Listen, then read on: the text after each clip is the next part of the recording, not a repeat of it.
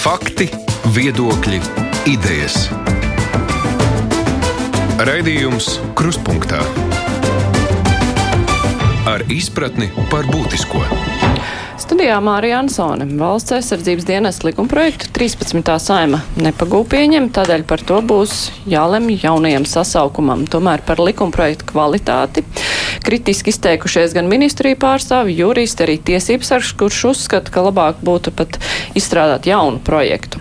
Ko ar valsts aizsardzības dienestu likumprojektu plāno darīt 14. saima, kādus risinājumus piedāvās, lai labotu tā trūkums, īpaši attiecībā uz civilā dienesta iespēju, par kur šobrīd nekādas skaidrības nav. Par to visu mēs runāsim šajā stundā. Mūsu studijā ir topošās valdības koalīcijas pārstāvja Ainārs Latkovskis no jaunās vienotības. Labdien! Labdien! Jānis Dombrova no Nacionālās apvienības. Labdien! Labdien. Raimons Bergmanis no apvienotā saraksta. Labdien! Labdien. Ah, arī no topošās droši vien opozīcijas uh, progresīvā sarakstā Andris Prūts. Labdien! Sveicināti!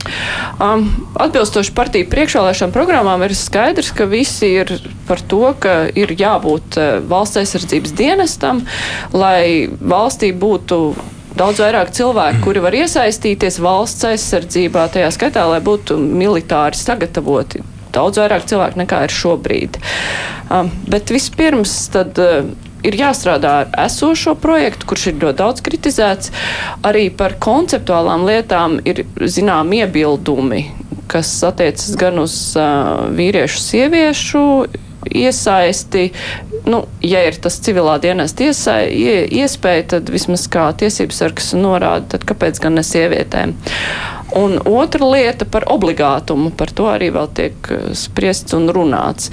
Uh, Tā tad mēs strādājam ar esošo, vai mēs, nu, jūs pareizāk sakot, vai, vai tiek veidots jauns projekts. Vienkārši domas, kā ir jārīkojās. Jā, starp citu, ļoti pareizi. Mēs, tāpēc, ka šis likuma projekts attieksies uz visu sabiedrību, tas ir ļoti svarīgs mūsu neatkarības, ne demokrātijas un, un, un valsts teritoriālās nedalāmības aizsardzībai ņemot vērā, ka mēs dzīvojam blakus agresīvai valstī, kas arī šajā gadsimtā nebaidās uh, uzsākt karu pret uh, demokrātisku valsti un okupēt tās teritoriju. Līdz ar to ir diezgan skaidrs, ka, lai arī mēs esam daļa no spēcīgākās militārās alianses, mums ir jādod savus ieguldījumus.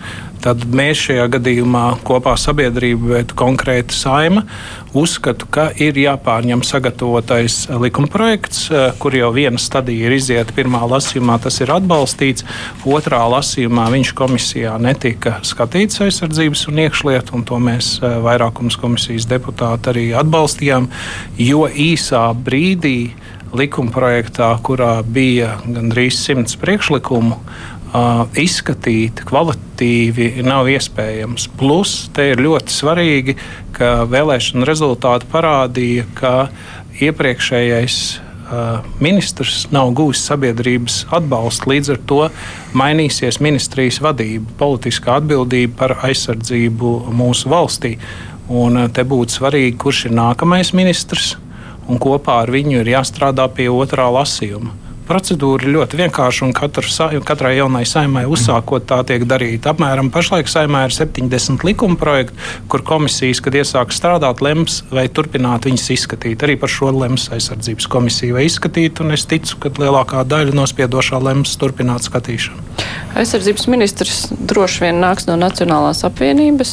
Jūs uzskatāt, jūsu partija uzskata, ka ir jāturpina strādāt ar esošo projektu?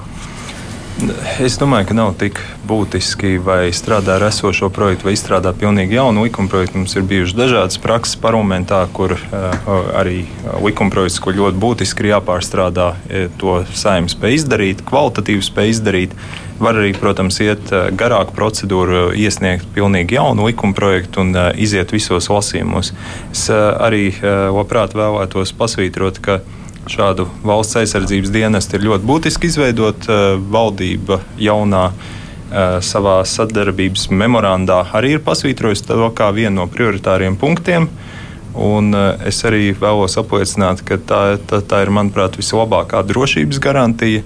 Jo, ja mēs nevēlamies Vai kāds atnāk mūsu nabižos, sauksim to tā, tad ir jābūt gatavam sev aizstāvēt. Bet tad, uh, jūs, ļoti... jūs teicāt, ka esat gan, gan gatavi, tad uh, jūs atbalstīsiet to, ka tiek strādāts ar esošo, tā kā komisija par to lems tiksim līdz uh, praktiskajiem soļiem, ir jāsaprot arī, mums ir šobrīd darbs pie valdības dekorācijas, tālāk būs valdības rīcības plāns. Ir nozīmīgi arī izrunāt ar visām pārējām ministrijām, kuras ir iesaistītas šajā procesā.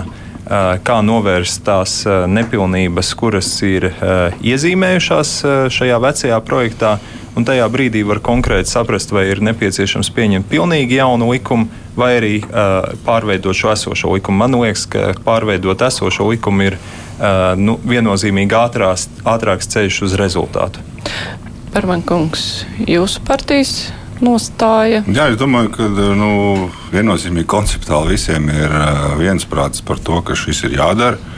Un arī iepriekš. Es domāju par jaunu, jaunu likumu. Vai, nē, es tuļņās, jā, jā. Tad es, kad tas ir jādara, vai tas ir jauns vai nē, es domāju, tur pilnīgi skaidri vajadzētu sanākt un vismaz droši vien arī neformāli kaut vai nokonsultēties šobrīd gan ar aizsardzības ministriju, jo šī likuma projekta apspriešanas laikā, pirms šī iespējamā otrā lasījuma, Mēs dzirdējām no valsts sekretāra puses, ka viņi daudz grib strādāt ar juridisko biroju, lai šo likuma projektu saskaņotu. Jo mēs jau zinām, arī, to mēs arī redzam šajos visos priekšlikumos, ka lielāko daļu šo jautājumu un priekšlikumu ir iesniedzis juridiskais birojs.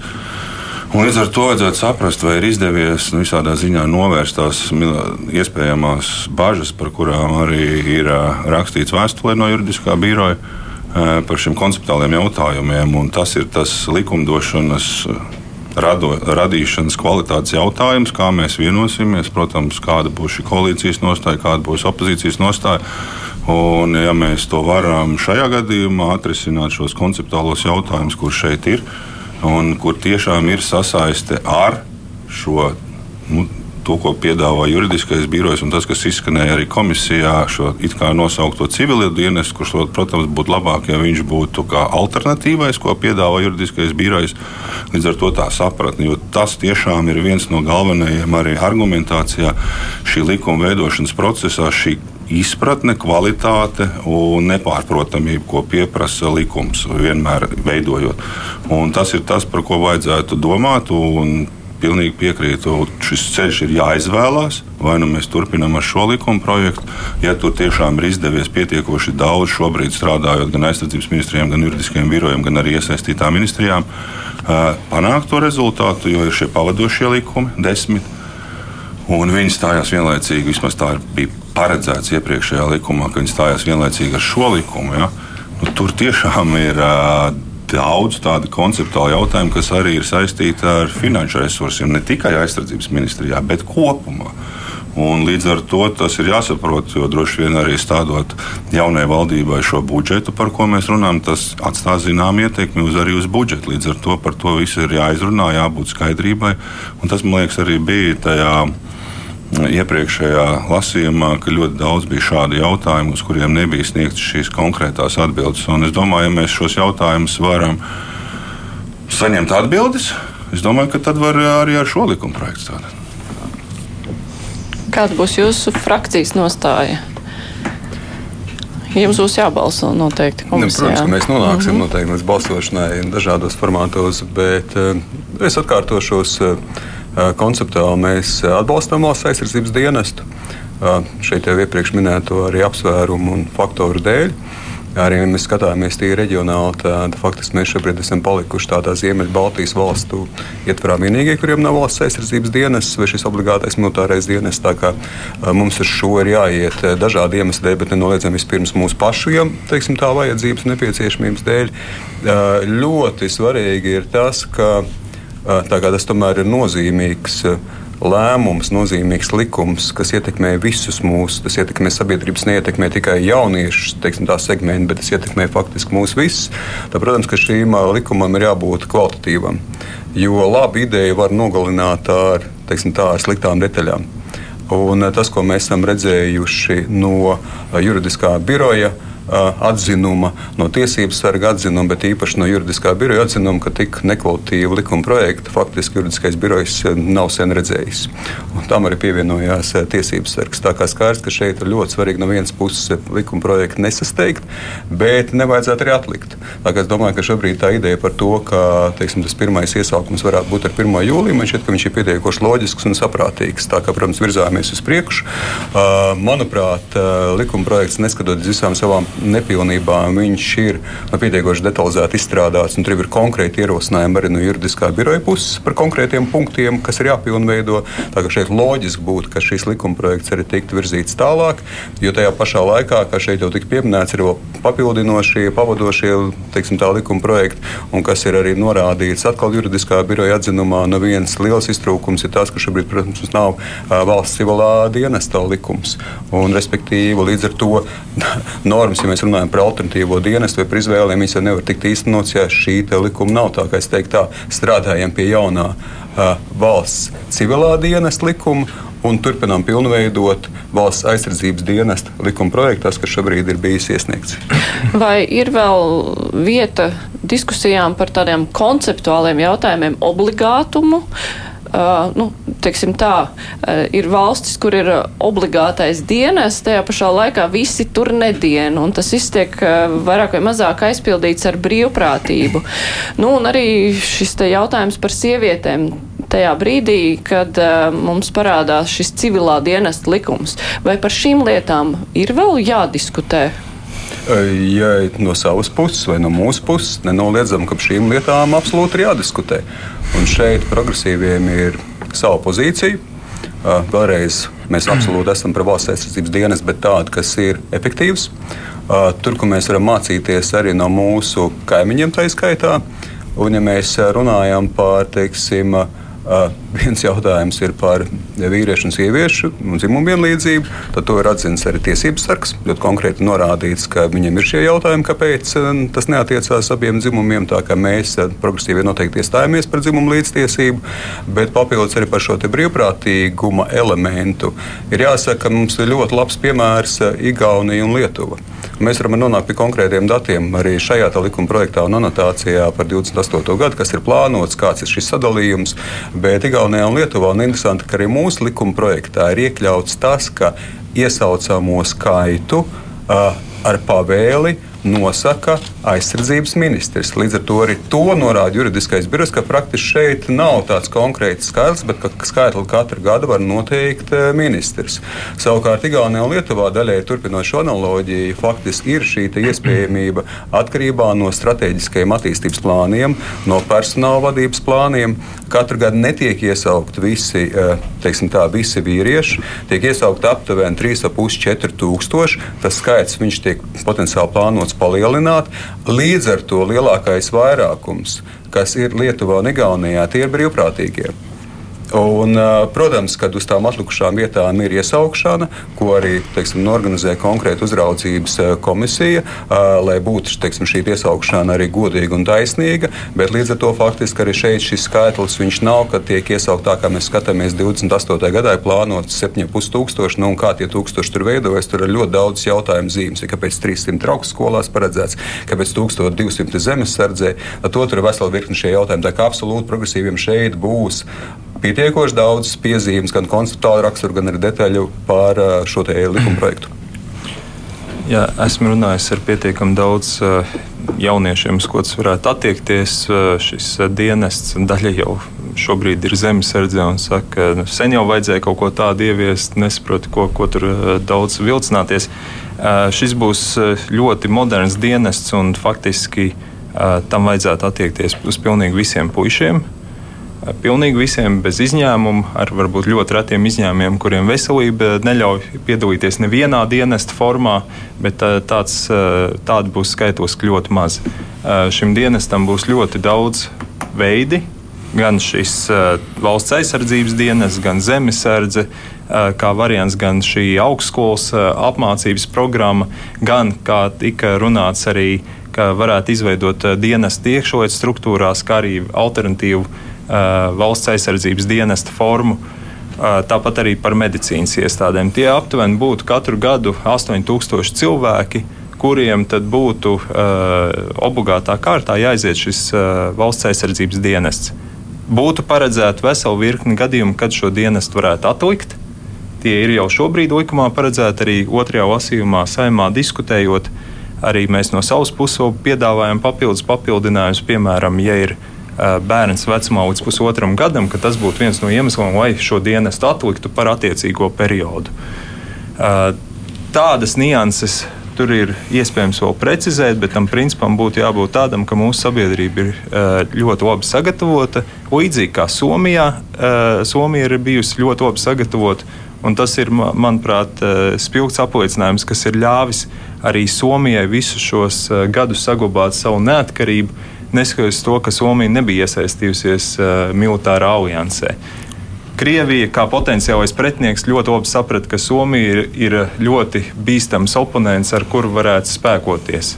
Un, uh, arī, ja mēs skatāmies uz Baltijas valstīm, tad Lietuvā jau šobrīd arī uh, notiek sarunas par to, ka šo uh, aizsardzības dienestu būtu jāpaplašina un jātiecina uz visiem, nevis uh, uz kaut kādām konkrētu skaitu, kas tiek iesaukts.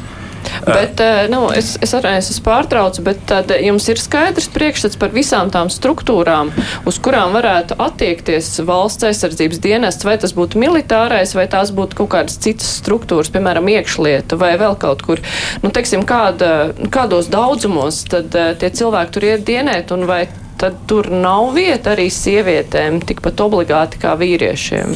Tātad, ja jūs piedāvājat vēl attiecināt šo obligātumu uz visām sievietēm, tad mēs iegūstam katru gadu aptuveni 18,000 cilvēkus, kas ir ļoti liels skaits. Mums jau būs pietiekami liela izaicinājuma, lai kaut kādā brīdī nonāktu līdz šim skaitlim 8,000. Pirmajā gadā tas noteikti nebūs iespējams paveikt. Visticamāk, tie skaitļi būs kaut kur robežās starp diviem un četriem tūkstošiem attiecībā uz visiem dienestu veidiem. Tas ir tā kapacitāte, ko instruktori, ko dažādās koledžās strādājošie var viena gada laikā uzņemt un iesaistīt attiecīgajās struktūrās. Ar laiku to kapacitāti noteikti būs iespēja uzaugt, bet es domāju, ka pirmajā gadā tas nebūs iespējams. Attiecināt uz Tātad, kā jau teicu, uz visiem uh, jauniešiem attiecīgajā vecuma grupā.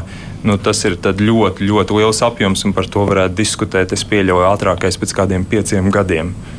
Bērnkungs eh, par šīm konceptuālajām lietām, obligātumu un uh, sieviešu iesaisti tikpat obligāti kā vīrieši, ir jādiskutē vai Absolūti ir jāpaliek? ir jādiskutē, un tas jādiskutē no tās, no tās iespējamības, vai mēs to varam izdarīt.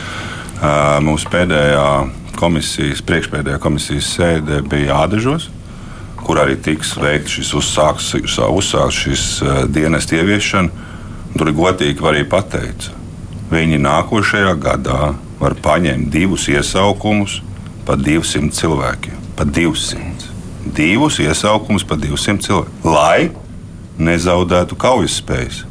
No kurienes tad tie cilvēki nāks uz to apmācību? Tie tiks ņemti no vienībām. Un tas ir godīgi pateikts, un tas ir jāsaprot. Un tas ir nākamais stāsts, par ko jau šajā gadījumā var būt mazāk. Par to, ka tas ir jādara, mēs visi saprotam. Tikai kā mēs to varam izdarīt, lai tas būtu kvalitatīvi. Un šis vārds ir atslēga. Gan likumam ir jābūt kvalitatīvam, gan arī uzsākot šo. Jo to mums ļoti, ļoti, ļoti uzsvēra Somu pieredze, ka viņi to saprata pēc ilgiem gadiem, ka tas ir ļoti būtiski. Un šī gadījumā ir vēl viens nu, strateģiskais, kam mēs taisām, to, kas ir tas mērķis, ko mēs gribam. Mēs gribam tā kā rezervistu sagatavot. Tad mums ir ļoti pie jāstrādā pie tā, ka šī rezerves sistēma tiek izveidota, jo šobrīd jau viņi nedarbojās. Šobrīd viņi nedarbojās. Un tad mēs sagatavosim, kur tad viņi nonāks, ja tā sistēma nebūs izveidota. Tas ir paralēli vēl tam. Un tas ir ļoti būtiski saprast šo kādam mērķim mēs to darām, cik kvalitatīvi, un tas tiešām ir ļoti būtiski. Un šīs nianses ir ļoti svarīgas. Tiem kaut vai tā pati iespēja dienēt zemesardzē, ko šobrīd mēs redzējām, milzīgais pieplūdums. Un šī infrastruktūra zemesardzē, lai veiktu šo apmācību, būs ļoti sarežģīta. Ja mēs atgriežamies pie alternatīvajiem dienestiem, Tas arī būs pietiekoši liels izaicinājums, pie kura būs jāstrādā visām iesaistītām ministrijām, jo ir absolūti kaut kādi noteikumi, lai tas cilvēks var pildīt tos pienākumus, kurus viņam uzticēs. Tātad, ja viņš strādās iekšlietu ministrijā, piemēram, policijā, Nu, tur ir atbilstošam jābūt izietai apmācībai. Kur viņi veiks, kas viņi veiks un kas par to maksās. Līdz ar līdzīgi ir labklājības ministrijā. Attiecīgi strādājot sociālajās iestādēs, cilvēkiem ir dažādas sociālās iestādes, pie kurām, lai to varētu arī doties šai sociālajai iestādē, tev arī ir jāiziet apmācība. Bet, bet es eh, gribētu mm. precizēt, ja mans jautājums bija par obligātumu, tad eh, jū, no jūsu atbildes izriet, ka varbūt tas, tas, eh, tas, tas to daudzumu mēs varam noklāt ar brīvprātīgajiem. To mēs redzēsim šobrīd, kā mums veiksies pirmajā iesaukumā, kurš ir domāts brīvprātīgais, bet es domāju, būs ļoti sarežģīta un tā sistēma, tāpēc jau ir šis uztraukums uztraukums. Domāju, tāpēc mēs arī šeit diskutējam, lai sabiedrībai būtu izpratne, kā tas viss, jo šie jautājumi ir ļoti daudz. Un tas, tas galvenais, ko arī Somijas pierā, pieredze liecina, šim sabiedrības līgumam ir jābūt, ka sabiedrība to akceptē, ka sabiedrība to pieņem, viņi apzinās, cik tas maksās, un tad mums ir daudz vieglāk to realizēt. Un par šo obligātumu nu, ir grūti. Nu, piemēram, tā pati Zviedrija, viņiem ir 100 tūkstoši iesaucamo, viņi iesauc četrus. Kā viņi to es tiešām nemācīšu speciāli pateikt. Un līdzīgi varētu arī būt šeit. Sākumā uzsākot šo procesu, droši vien, ka mums nebūs iespēja iesaukt pilnīgi visus, jo vienkārši nebūs iespējas, kur viņus apmācīt.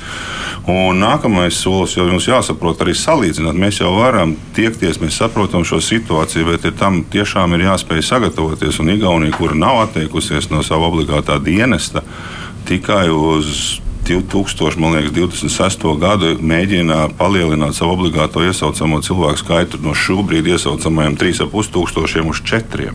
Mēs jau 28. gadā gribam gandrīz 8000. Nu, vai mēs tam tik ātri spēsim sagatavoties? Un tas būtu tas sliktākais, ja šīs gaidas, ko cilvēki varbūt nu, cer, ka to var realizēt, ka mēs to nerealizēsim. Tas ir tas, ko varētu mēģināt šobrīd arī risināt. Es domāju, ka šobrīd šeit klātesošie mums nevienam nav nekādas domstarpības, ka mēs visi to vēlamies. Un to vienkārši vajag izdarīt pietiekoši kvalitatīvi. Un šī saruna tiešām arī ar aizsardzības ministriju, bruņotajiem spēkiem, ar labklājības ministriju, ar veselības ministriju un ar iekšlietu ministriju ir. Jo viņiem ļoti daudz jautājumu ir. Nu, Tāpat labklājības ministrija arī uzdeva jautājumus, nu, kā tas tiešām dzīvē realizēsies. Un tad ir šie jautājumi, ja mums viņi ir noskaidroti un viņi ir arī iebudžetēti. Nu, kaut vai veselības ministrijas arī jautājums par šo Eh, jauniesaucamo veselības kontroli un uzņemšanas noteikumiem, kas to veiks, kā tas darīsies. Šobrīd eh, ir domāts ar ģimenes ārstiem. Nu, ģimenes ārstiem nu, tur arī to... bija iebildumi. Jā. Jā. Varbūt Sprūtkungs papildinās, Dombrovskungs papildinās, un tad jūs varēsiet savu lielo punktu pielikt, jā, Latkauskungs. Jā. Jums būs eh, vieglāk viss rezumēt. Jā, es pavisam īsti centīšos papildināt, jo šeit ir parādās tas, ka pozīcija un opozīcija, vismaz daļai no pozīcijas, ir opozīcija ir arī saskarsmes punkts. Es šeit ļoti lielā mērā piekrītu Bergmaņa kunga teiktajam par to, ka nu, vienas, protams, mēs kā progresīvi jau pasvītrosim šo vienlīdzības principu, kas ir protams, ļoti svarīgs un par, par ko šeit diskusija arī lielā mērā mums arī notiek. Bet otrs, absolūti, es uzsvēršu atslēgas vārdu kvalitāti. Kvalitāte gan tas, kas tiek iedots jaunietim, lai tiešām šī militāra apmācība ne tikai būtu kvalitatīva, bet beig beigās, protams, šajā sabiedriskajā līgumā viens ir jaunietis, viņa vecāks vai ģimenes, un otrs ir arī mūsu visas sabiedrības drošība. Un to, protams, arī priekš mūsu kā priekš sabiedrības drošības, lai arī beig beigās tieši tā šis valsts aizsardzības dienests būtu kvalitatīvs tajā savā drošības efektivitātē un izpildījumā. Un, ja mēs salīdzinām valsts, skaidrs, ka Somijas piemērs ir labs piemērs. Viņš ir pietiekoši, teiksim, domāju, tādā tālākā perspektīvā, ilgtermiņā mums ideāls piemērs, bet arī šeit jau tika uzskaitīts valsts - Zviedrija, Dānija, Norvēģija, Igaunija un Lietuva. Un es domāju, Igaunija un Lietuva varbūt tiešām ir tādi vislabākie piemēri, kādā veidā arī notiek teiksim, šī te absorpcija, cik ir spējas arī tiksim, šos jauniešus uzņemt. Arī tur, protams, ir doma pakāpeniski palielināt.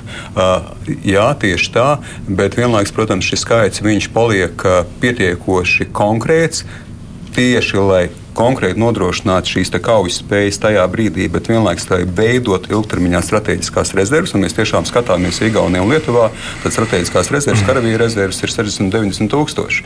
Jā, kamēr mums ir zem 6 tūkstošiem, tā ka Igaunija un Lietuva parādīs to, ka arī šādā veidā var pilnīgi virzīties uz priekšu. Vienlaikus to, ko jūs arī teicāt par obligātu un brīvprātīgumu, vienlaikus gan Igaunijā, gan Lietuvā lielākais vairākums ir brīvprātīgie. Nu, līdz ar to šeit, šajā sabiedriskajā līgumā, viņš ir gan kvalitatīvs, gan ar tomēr ietverošu un iekļaujošu pozīciju, vienlaikus ar šo brīvprātīgumu, kas arī nenois, neizslēdz kvalitāti. Tā kā man šķiet, šeit arī ritenis nevienmēr ir jāizdomā no jauna, bet mēs varam skatīties uz kaimiņu pieredzi. Ja tas nav noteikts kā obligāts visiem, tad ir skaidrs, ka vienmēr būs runas par to, ka kādam ir bijuši izdevīgāki apstākļi, ir, kādam ir vairāk paveicies, kādam mazāk paveicies. Šeit mēs runājam par tādu vienotu sabiedrības iesaisti valsts aizsardzības stiprināšanā. Un, tāpēc tas būtu ļoti būtiski, ir tomēr obligāts attiecībā uz visiem.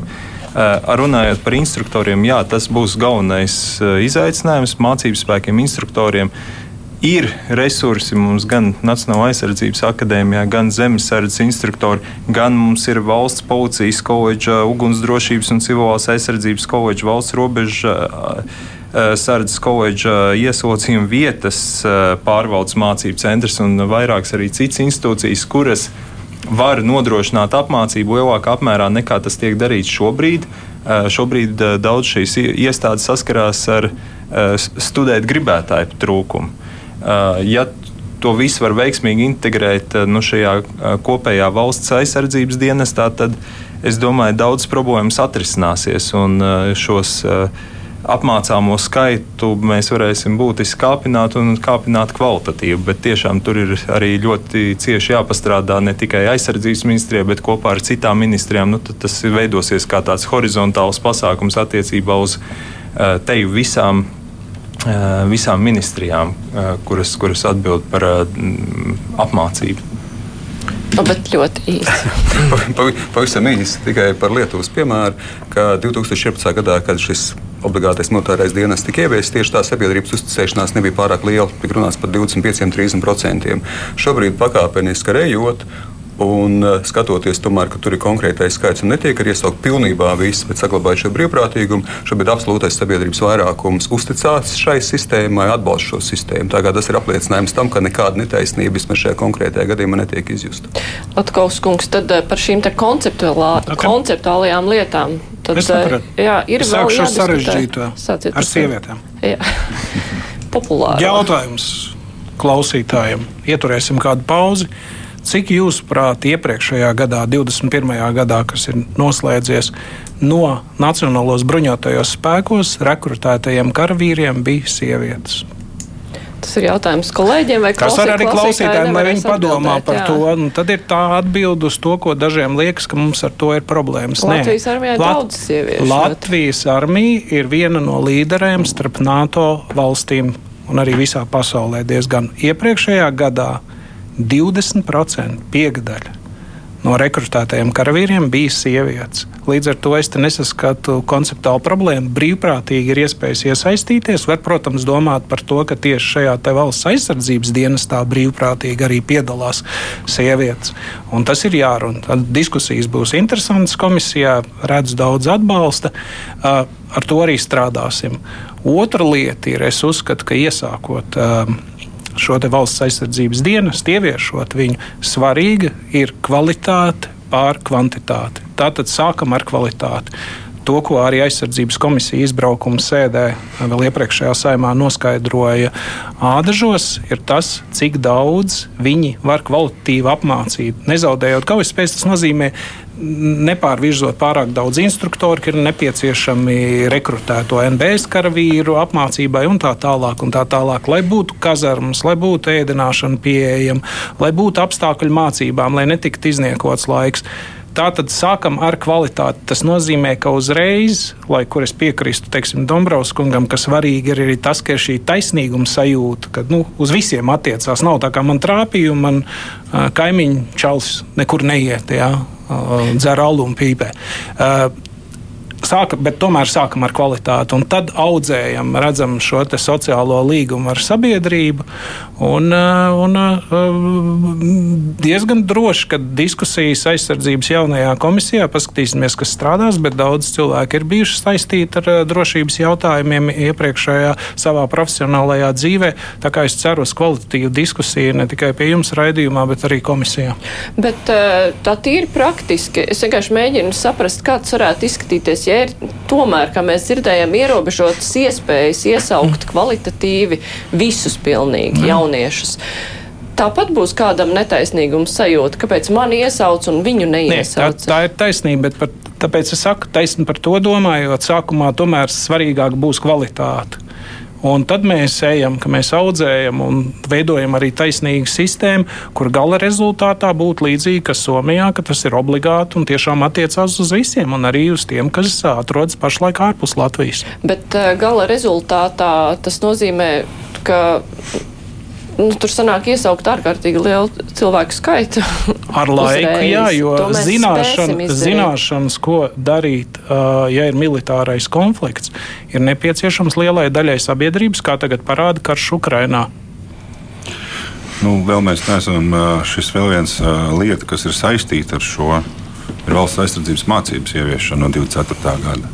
Un tad, ja mēs to spētu arī ieviest pietiekami kvalitatīvi un labi, tad tie jau, kas dotos bērni pēc tam uz valsts aizsardzības dienestu, mēs jau varētu, kā to dara arī Somija, jau atlasīt līderus, saprast, kuri būs nodaļu komandieri, tā tālāk. Tā, tā. Tu jau tajā apmācību procesā, kurā būs iesaistīti visi bērni skolā, tu jau varēsi saprast, kurš tur varēs un ko, un tas dos milzīgu pienesumu. Tāpēc tur arī pie tā ir jāstrādā.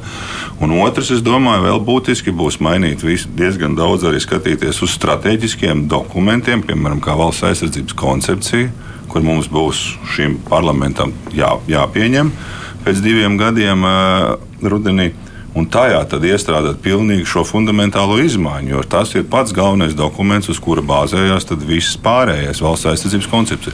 Un, ja mēs runājam par Somiju, tad ir ļoti būtiski nianses, kas ļoti reti kāda izskan, bet es gribētu viņu tomēr atskaņot. Viņu aizsardzības sistēma ir bāzēta pamats.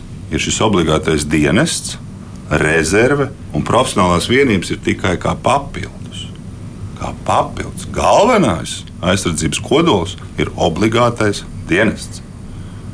Mums šobrīd ir profesionālais dienests, zemesardze, un ar šo mēs liekam papildus. Tad arī šīs būs tās izšķiršanās, un iespējams arī valsts aizsardzības koncepcijā. Tad mēs rakstīsim, kādu mēs būvējam šo sistēmu. Jo saprotams, ka Somija to būvēja, lai viņi vieni paši varētu cīnīties pret kādu ienaidnieku, kas varētu uzbrukt viņu valstī. Viņi nebija nekādas alianses biedri. Mēs esam NATO alianses. Tas atkal ir šis stāsts, kā mēs šajā strateģiskajā formulēsim to, kādu mēs gribam redzēt savā aizsardzības sistēmā. Un tās tādas ļoti būtiskas lietas, par kurām es ticu, ka mums izdosies vienoties, saprast un, un arī realizēt. Tāpēc šajā gadījumā tiešām jāskatās daudz šīs pieredzes, un par to mēs arī domāju, atradīsim šo risinājumu un palīdzēsim un realizēsim. Ja ir īsi Jo es gribēju pāriet pie civilā dienesta, kas eh, būs tā nākamā lielā sadaļa. Varbūt divas, divas pavisam īsas piezīmes savstarpēji saistītas, un arī varbūt papildinot tas, kas tik, tikko arī teikts par to, ka tieši tā, es domāju, jāskatās šeit ir komplekss par to, kā mēs kopumā būvējam šo sistēmu. Un te noteikti ir vesela virkni ķieģelīši, kas ir jāpilnveido un kas var tikt pilnveidot. Nu, Kādai par piemēru par to, kā arī eh, karavīru rezervisti var, var teiksim, var papildināt, paildzināt šo e, vecumu uh, periodu, kad cilvēks var apbūt šeit līdz 50 gadiem. Tas ir teiksim, zemesardzes vecums, tik palielināts, uh, karavīri, rezerves karavīri, teiksim, šī apmācība, šīs, šīs instruktāžas trīs nedēļas joprojām ir līdz 50 gadiem. Tā kā es domāju, šeit ir iespējams arī tādā mazākā mērogā lietas kārtot, lai mēs papildinātu faktiski arī mūsu strateģiskās rezerves. Un otra lieta, kas ir, protams, neatcerās to, ka mēs ejam arvien tehnoloģizētā kara, kara darbības virzienā un ka mums ir teiksim, jādomā to, kā mēs iesaistām arī jauniešus nodarbēs, aktivitātēs, notārā dienesta ietvaros, kas stiprina gan teiksim, tā, viņu pašu prasmes, investīciju viņos, gan arī lielā mērā mūsu aizsardzības spējas. Un tāpēc, piemēram, kiberdrošības jautājumi, viedo tehnoloģiju jautājumi ir tie, kur noteikti ir arī jāvirzās. Un, piemēram, arī viens no tādiem savukārt piesardzīgiem elementiem ir, ka šobrīd potenciāli tas varētu tikt ienests arī šī valsts aizsardzības dienesta elementa apmācība, tik ienest augstskolās. Es mums būtu ļoti, ļoti, mēs būtu ļoti, ļoti uzmanīgi teiksim, par šo. Es domāju, drīzāk jādomā, kā es teicu, ir, kā labāks piemērs ir zemesardzes šī kiberaizsardzības vienība. Kā piemērs, kādā veidā var attīstīt, arī modelēt arī mūsu tālāko attīstību. Tā kā šeit ir jādomā gan komplekss par šiem ķieģelīšiem, ko mēs papildinām, pastiprinām, arī lai nepazaudētu to, kas ir jau labi uzbūvēts, gan vienlaikus domājot arī tajās jaunajās konceptuālajās kategorijās, kā vispārībā šobrīd aizsardzība tiek īstenot pie mums un arī pasaulē.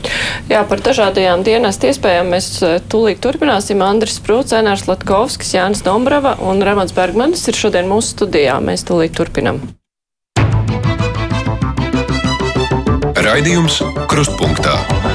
Dombrovs kungs jau minēja šīs iespējas, kas ir iekšlietu struktūrās, apmācību. Šeit tika pieminētas arī tehnoloģija nozīme. Ja mēs tā paskatāmies kopumā, arī sasaistot ar šo civilo dienestu, vai ir apmēram nu, skaidrs, proporcionāli, kā varētu vispār notikt, kā izkārtoties šis dienests, cik daudz apgūst tiešām šīs militārās zinības, cik daudz aiziet kaut kādā civilajā dienestā, kādās jomās, vai nu, cik tas ir skaidrs vispār, ja mēs zinām. Jāsaka uzreiz, nu, kāpēc nav uh, kopā ar uh, valsts aizsardzības dienestu likuma projektu aizsardzības ministrija neiesniedz arī likuma projektu par uh, civilo dienestu vai alternatīvo dienestu tieši tāpēc, ka šis rada uh, zināmas, ja ne milzīgas problēmas. Nu, kaut vai vienu, es vienkārši kā vienu piemēru. Uh, viena lieta, ko lietoja nu, pašlaik joprojām esošais aizsardzības ministrs uh, Pabrika kungs, bija par to, ka jauniešiem, kuri nedosies uh, militārajā dienestā, būs iespējas, piemēram, pildīt ugunsdzēsēju pienākumus. Bet, lai pildītu ugunsdzēsēju pienākumus, ir pusgada apmācība. Mēs paredzam 11 mēnešus vispār šo dienestu vai gads. Ja? Tad pusi no šī iespējamā alternatīvā dienesta nāktos pavadīt mācībās. Kas vienā ziņā ir labi, varbūt kāds to izvēlētos kā nākamo profesiju, bet lielākā daļa tomēr laikam to nedarīs.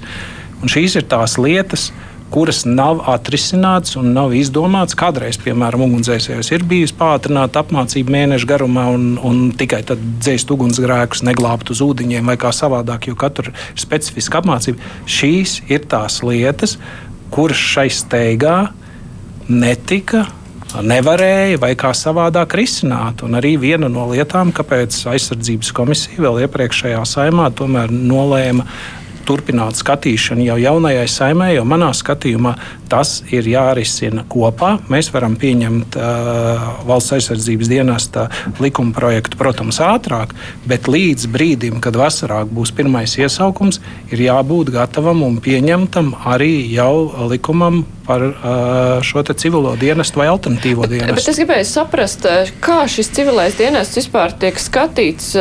Tas, ko jūs pieminējāt, ugunsdzēsē, kuriem ir vajadzīga pusgada apmācība, un varbūt viņš izvēlēsies to kā profesiju, bet vai mēs uz to skatāmies, kā, nu, ka vai nu cilvēks iegūst militārās iemaņas vai glābēja iemaņas, jā, policista nē, nē, iemaņas, tā, tādās, kuras viņš jā, x stundā jā, izmanto, jā, vai tas ir? Jā, nu, Ukrainas piemērs to parāda, ka šādi cilvēki ir nepieciešami, uh, bet precīzi, kā organizēt apmācību, jo kas bija uh, aizsardzības ministrijai vieglāk. Tā ir viņa tēma, militārais dienests, jā, alternatīva kā iespēja, bet kurš tad ar to nodarbosies. Tāpēc nav arī likuma projekta, bet mēs nevaram sākt vispār militāro dienestu, ja mēs paredzam, ka ir alternatīva, bet alternatīvai nav izstrādāts pat likuma projekts. Nu, šī ir to arī tiesības sargs uzsvēra, protams, komisijā. Nu, šī ir galvenā problēma īstenībā. Ne tik daudz tur mazā kvalitāte pašam likuma projektam par militāro dienestu, bet ja mēs paredzam šādu sistēmu kā alternatīvu jauniešiem, tad jābūt pretī likuma projektam, ko mēs paredzam, un jāzina, kā mēs mācīsim tos cilvēkus. Tu nevari vienkārši, es gribu pa ugunsdzēsēju, aizēju vienībā, šeit saģērbies, būs izsaukums brauks tā neviens nedarīs. Nu jā, bet tas mērķis tam dienestam alternatīviem tad ir kas, lai viņam ir iemaņas kaut kādas. Es tomēr vēlos vai... kaut kādas uh, mītas kliedēt. Tātad šis 11 mēnešu ilgais Nacionālo bruņoto spēku, uh, regulāro spēku dienests, jā, nu, jeb šis pamats, jā, uz ko tiek veidots valsts aizsardzības dienests, tur ir paredzēts, ka pusgadu jaunietis mācās un piecus mēnešus viņš dienu attiecīgajā bruņoto spēku vienībā.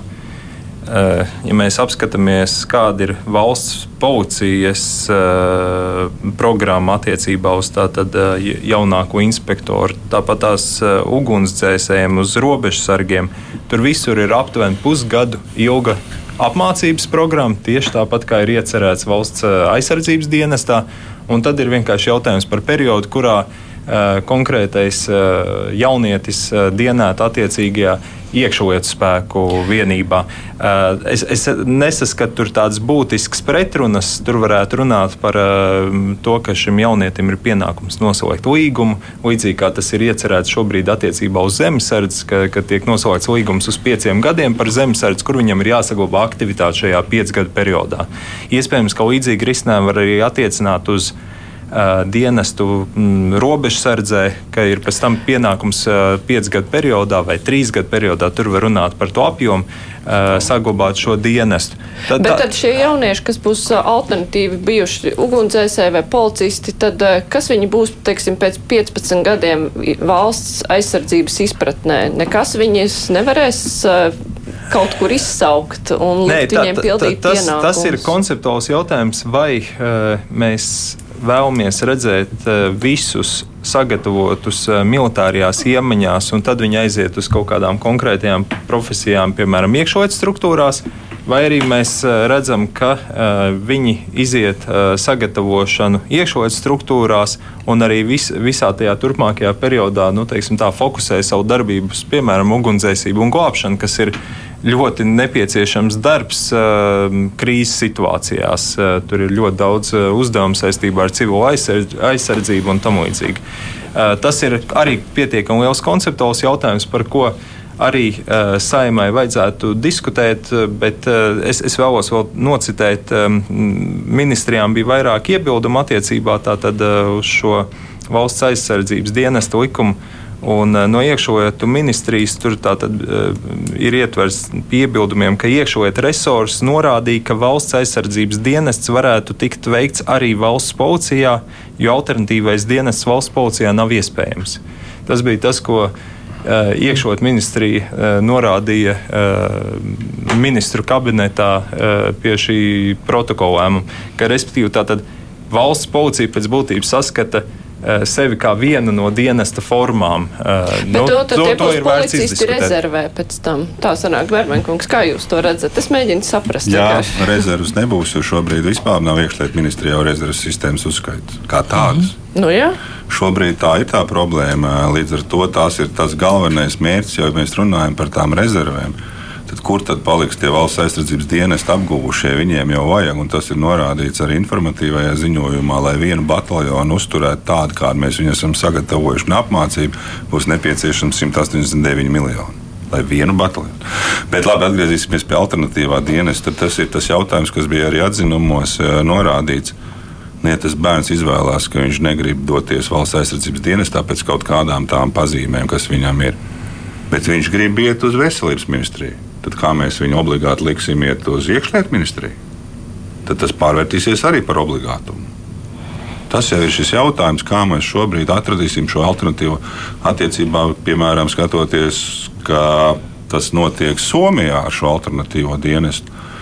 Nu, tas ir tajos ilgajos gados, tas tiešām ir gadu desmiti jau. Nu, viņš ir tāds kā, nu, ne, negribās teikt tā par jauniešiem, ja, bet viņš nav tāds pievilcīgs jauniešu vidū.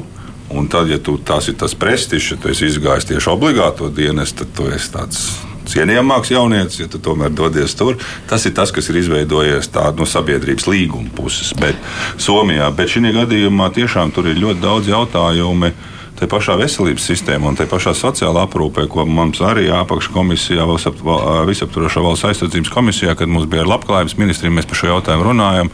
Piemēram, es ne, negribu šobrīd kļūdīties, nosaukt šī cilvēka vārdu, kurš teica, piemēram, ja šis jaunietis izvēlas alternatīvo dienestu, viņš ir no Zilupes, viņam ir jādzīvo Rīgā, un viņš strādās aprūpes namā Rīgā pie varbūt ļoti sarežģītas, specifiskas aprūpes tad, tad viņam arī ir jāiziet apmācība, lai viņš varētu strādāt tiešām šajā aprūpē. Nu, tas ir tiešām ļoti būtiski. Kas maksās par viņu dzīvošanu Rīgā un kas par viņu uzturēšanu?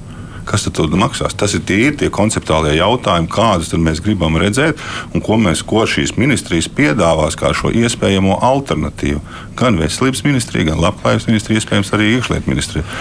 Un tie ir šie jautājumi, kas tiešām ir arī norādīti šajā atzinumā, lai kaut vai arī nākošā gadā, uzsākoties mācību gadam, Tad, ja šobrīd izveidosies šis, to, ko norāda juridiskais birojs, tad augstskolās cilvēki, kuri varbūt dosies un kuri grib apgūt šo augstskolās piedāvāto kursu, vai kapelānu kursu, vai arī veselības apmācības kursu, kurš būs tikai no 24. gada, kā šobrīd tas ir paredzēts, tad viņi to nevar darīt. Nu, tad, Tas nu, ir jā. tas, par ko šobrīd mm. ir tās sarunas. Un, ja mēs spētu, protams, tas būtu visideālākais variants, ja tiešām šie abi likuma projekti stātos vienlaicīgi.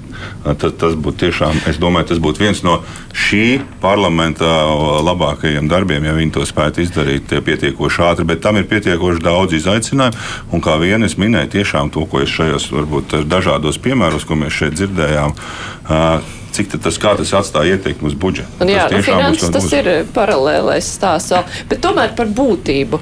Uh, šis alternatīvais dienests ir kas? Tas ir, es kā jaunietis atstrādāju to, ka es nevēlos uh, iet militāro dienestu, teiksim tā, es dzēšu savas saistības pret valsti vai arī es kaut kur strādāju, kaut ko apgūstu un valsts x stundās zina, ka es esmu ugunsdzēsējs, iekšlietu darbinieks, eh, veselības aprūpas darbinieks, un es tur eju, un es zinu savu vietējā mm. sistēmā, tad Gan, gan. Gan, gan. gan, gan. gan, gan. gan, gan. Ne, nu, protams, ka uh, tieši tā, gan, gan, kad ir ah, ah, abi šie elementi iekšā, kad gan jaunietis apgūst iemaņas, gan x stundā ar savām iemaņām viņš spēj ies, ieintegrēties, iesaistīties kopīgā civila aizsardzībā, militārā aizsardzībā, teiksim, tā, nu arī darboties kā vienots mehānisms. Man gan tomēr jāatgriežas, ir, ka jo kvalitatīvāks valsts aizsardzības dienas likums, jo mazāk būs nepieciešamība runāt par šiem izaicinājumiem civilajā uh, dienestā. Jo faktiski, atkal, ja mēs runājam Lietuvas un Igaunijas piemēru, tad teiksim, šeit alternatīvais dienas jau ir ļoti, ļoti ierobežots. Tur ir savi izaicinājumi. Un man ir jāsaka, ka interesanti jau arī pat informatīvajā ziņojumā uh, par šo 28. gadu, kas pietiekoši tāds zīmīgs no tāda. Nu, uz ko mēs īsti ejam, tur jau faktiski alternatīvais dienas nav paredzēts, jo tur ir 7,5 tūkstoši. Teiksim, tā, kādā veidā karavīri tiek izveidoti. 6000 NBS, 1,2 tūkstoši zemestārdz un 300 augst, augstskolas apmācību. Līdz ar to faktiski tur jau pat nepaliek īsti vieta. Bet es pat teiktu, tādā konceptuālā ziņā tas ir labi, jo, ja kvalitīvāks būs šis valsts aizsardzības dienas, jo būs mazāk jautājumu par alternatīvo dienestu. Arī par alternatīvo dienestu šeit ir tiešām jautājumi tajā ziņā, ka vai tam jābūt piemēram, tādam pašam laika posmam. Jo, ja mēs 11 mēnešus ejam valsts aizsardzības dienestā, vai teiksim, jaunietis, kurš ir alternatīvajā dienestā, ir 40 stundas nedēļā un faktiski dzīvo mājās, vai viņam nebūtu iespējams šis alternatīvais dienests tomēr ir ilgāks, jo respektīvi viņa intensitāte tomēr ir mazāka. Tā kā šeit šie jautājumi būs, bet jo kvalitatīvāks valsts aizsardzības dienas, jo būs mazāk jautājumu par alternatīvo dienas. Protams, tas nenozīmē to, ka aiz savas pārliecības nav jābūt šīm izvēlēm, bet vienlaikus jā, mēs varam runāt par detaļām iekšlietu, veselības, labklājības sistēmās. Bet atkal noteikti no savas puses mēs uzsvērsim, ka te ir.